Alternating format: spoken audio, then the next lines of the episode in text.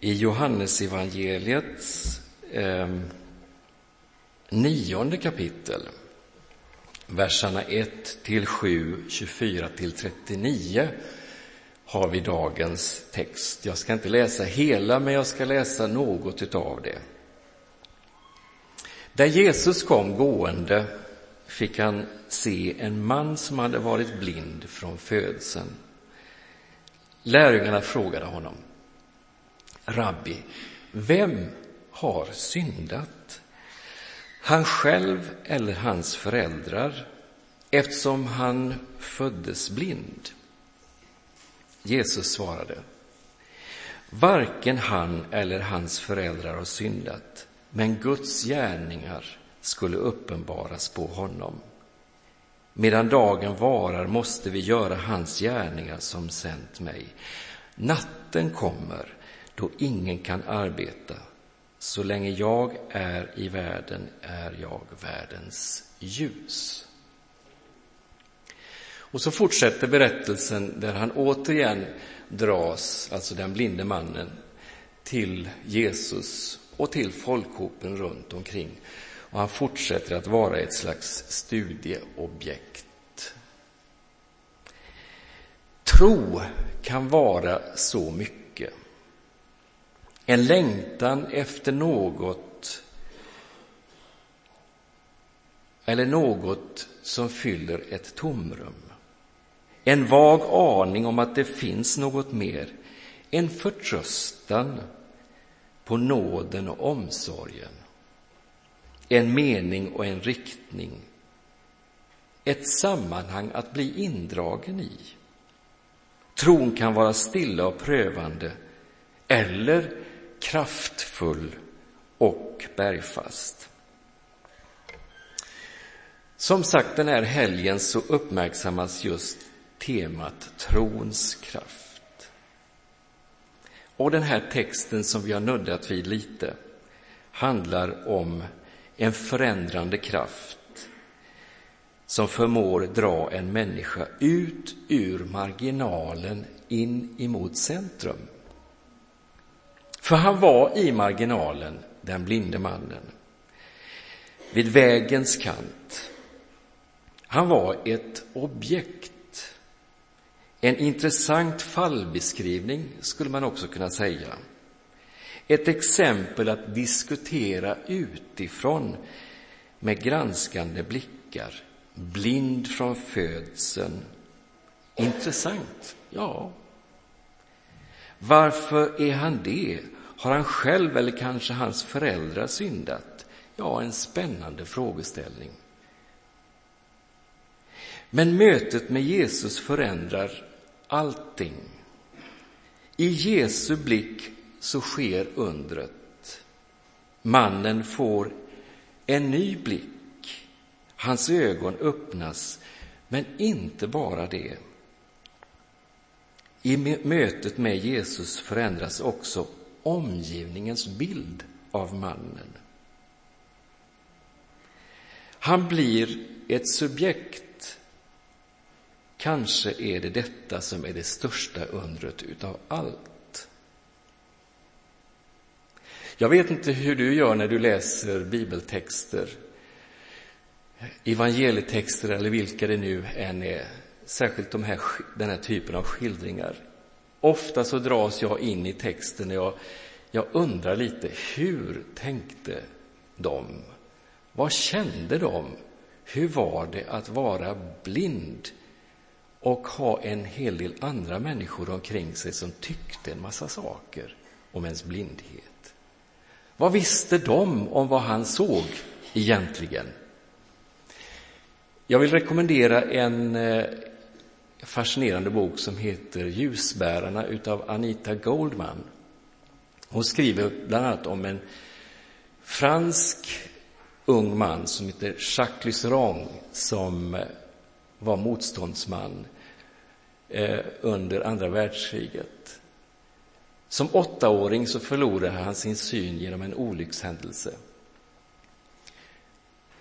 Men Någonting förunderligt hade skett med den här lille pojken och jag ska inte försöka mig på att beskriva berättelsen. Den är intressant i sig själv och jag skulle förlora viktiga detaljer om jag skulle gå in i det. Men en, en intressant iakttagelse är, är detta att det fanns ett seende hos denne blinde Jacques som väldigt mycket utav den omgivande omgiv, alltså omgivning utav seende människor aldrig hade sett eller förstått. Eh, jag förespråkar inte att människor ska behållas i blindhet, i fysisk blindhet. Och det handlar inte om att ha eh, sådana här generaliserande åsikter, men man kan ändå undra över vad, vad är det för slags idé överhuvudtaget som, som styr oss till att bedöma och avgöra hur en människa, en enskild människa, har det här inne egentligen? Vem hade syndat? Var det mamma eller pappa eller var det någon annan? Var det hans egen otro? Ja, ni vet den där typen av frågor. Och så tänker jag, ja, den där sortens diskussion skulle väl aldrig ha hänt idag? Eller hur? Vi skulle aldrig objektifiera människor på det sättet. Fruktansvärt. Men samtidigt så kan jag ändå konstatera att det sker väldigt mycket utav det slaget, fast på annat sätt idag. Där vi har uppfattningar om andra utan att överhuvudtaget bemöda oss om att försöka se igenom den andres ögon.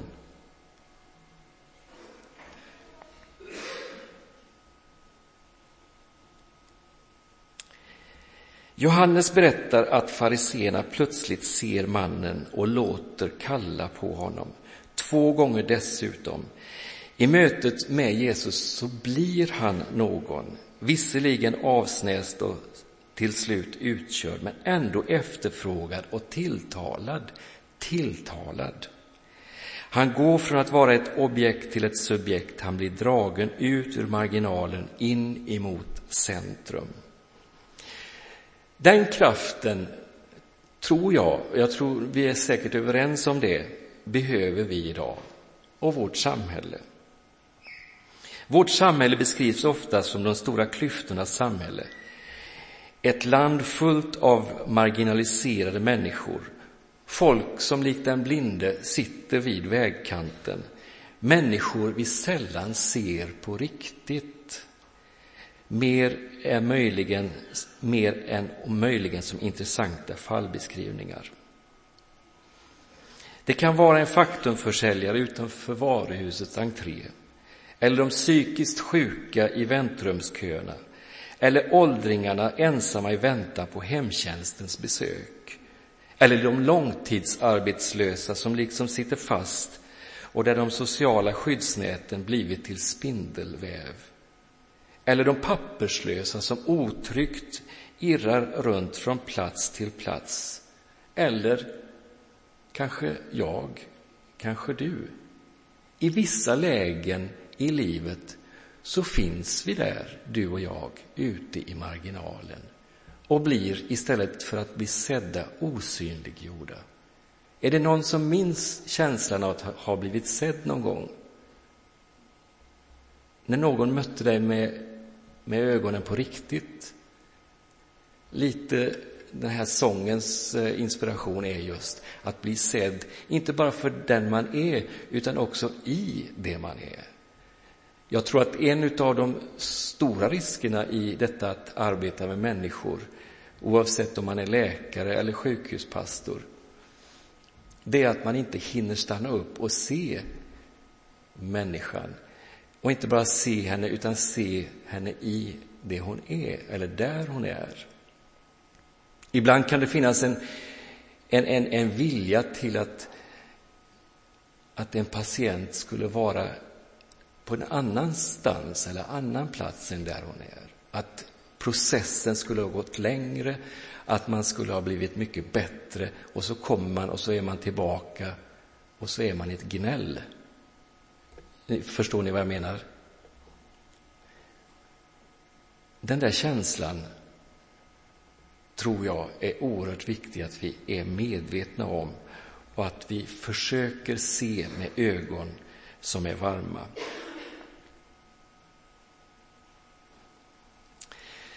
Vi har inte läst hela texten, men texten i sin helhet beskriver ändå att mannen blir upprättad och sedd utav Jesus och han får sin syn tillbaka. Tillbaka till mina frågor. Jag skulle så hemskt gärna vilja träffa den här mannen en gång kanske och fråga, hur var det? Hur var det att bli marginaliserad som du, som du var? Men hur var det att bli sedd och bekräftad utav Jesus? Eh, jag skulle säkert få svar som jag kanske hade förväntat mig, men ännu fler svar som jag inte hade väntat mig. Och det är det som jag tycker är det fascinerande i mötet med människor. Några korta tankar var det utifrån den här texten. Och kort ska jag ge lite, lite inblick, eh, eller vad heter det? In, insyn vet jag inte om jag kan ge, men glimtar jag ifrån mitt arbete i vardagen. Sjukhuskyrkan, ja, man skulle kunna ta statistik, men jag tror att det är ganska tråkigt för er med sånt. Eller är ni upplagda för det nu, söndag förmiddag?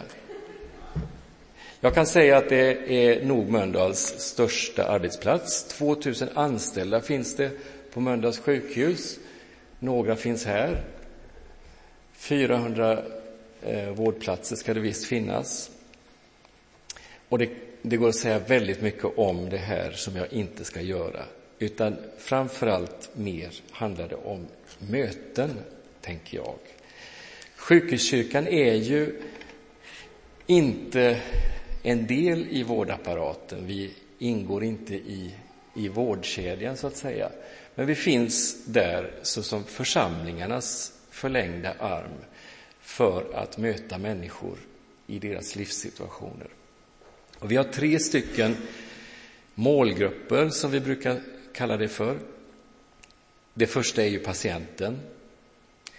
Eh, men också så finns ju anhöriga, närstående som, som har sina anhöriga kopplade till sjukhuset på ett eller annat sätt. Eh, det finns patienter som återvänder efter första, efter en tid av kontakter eh, på återbesök. Ja, sådana möten finns det också. Det finns också möten med människor som remitteras ifrån vårdcentralerna för enskilda samtal. Eh, har blivit allt mer under de sista två åren. Och sen har vi, har vi ju anställda personal som vi får vara med och arbeta tillsammans med. Och det är ganska så intressant och spännande. Reflektionsgrupper är något som jag brukar jobba med tillsammans med personalgrupper. Hur kan det se ut? Ja, det kan se ut på en väldigt massa olika sätt. En del dagar kan vara väldigt tråkiga för det händer nästan ingenting. Och så kan nästa dag komma och den är också lika tråkig, om än värre. Ja, ungefär som det är på en vanlig arbetsplats. Men så finns det dagar när allting händer på en gång och man undrar vad har jag varit med om idag?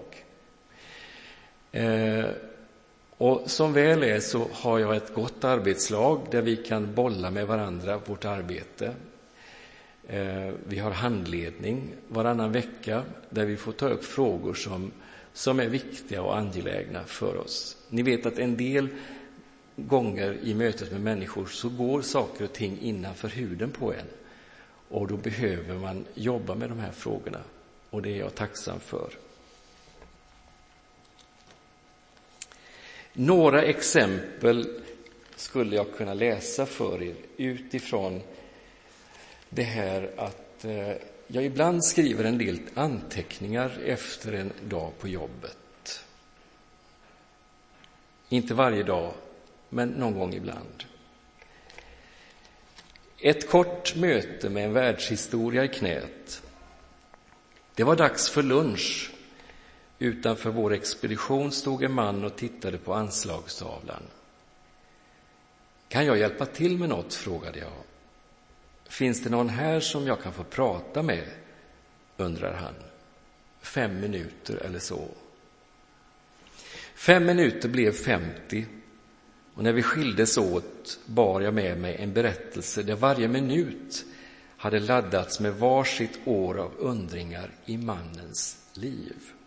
Undringar som aldrig tidigare tydligen hade klätts i ord. Jag såg att hans kropp hade hållits i god form genom många års aktivt idrottsutövande. Men nyss så hade hjärtat krånglat. Han hade körts akut in till sjukhuset och för första gången i sitt 75-åriga liv så hade han insett att hans eget liv kan ta slut. Att han faktiskt inte är odödlig.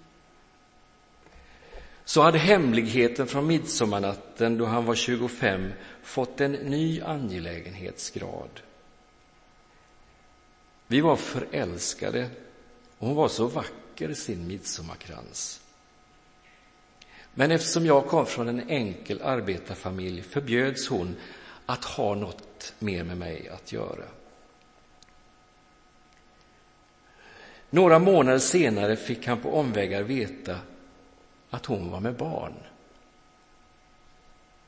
och att familjen hade flyttat härifrån långt bort till en annan stad. Jag är alltså pappa till en människa som nu är i 50-årsåldern. Men vi har aldrig mötts och jag har aldrig berättat detta för någon annan. I 50 år hade frågorna levt sina egna liv i hans kropp. Vet mitt barn om att jag finns? Har det barnet letat efter mig? Är vi lika på något sätt? Har han samma ögon som jag? Eller blev det kanske en flicka? Är det möjligen så att mina två söner har en syster?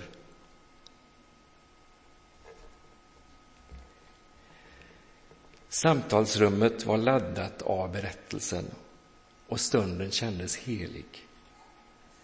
Och nu ville han pröva tankarna om vad han skulle göra med det här. För han ville något mer, men visste inte hur eller om han ens skulle våga. Vi tänkte en stund tillsammans och så undrade han om jag inte klarar av att berätta är det möjligt att jag får spara ditt visitkort i min plånbok? Och på baksidan skriva att de får ringa dig. För du har något livsviktigt att berätta om mig som nu inte längre lever.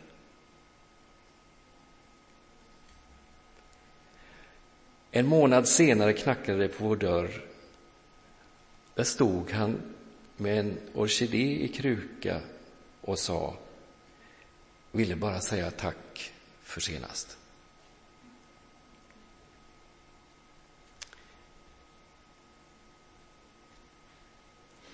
Mer vet jag inte. Här är en berättelse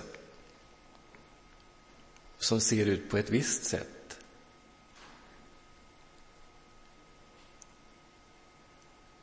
Och det finns oändligt många berättelser som behöver bli berättade. I synnerhet när man ställs inför det där svåra som, som man inte har räknat in i sin planering. Livet styr man inte över. Och vi brukar prata om de existentiella frågorna, de andliga frågorna som är bortom diagnosen, bortom medicinering, bortom behandling. Och på ett litet hörn så får sjukhuskyrkan finnas till hands. För att se, för att lyssna, för att ta emot. Hur mycket det är att förmedla Kristus, det är inte min sak att avgöra. Men min tro är att Kristus förmedlas på det här sättet. I mötet mellan människor. Inte bara med oss som är i sjukhuskyrkan. Ingmar Johansson som är sångförfattare och präst i Sankt Johannes i Stockholm använde ett uttryck vid ett tillfälle som jag tycker är så väldigt bra. Gud bor i vår omsorg om varandra. Låt oss be.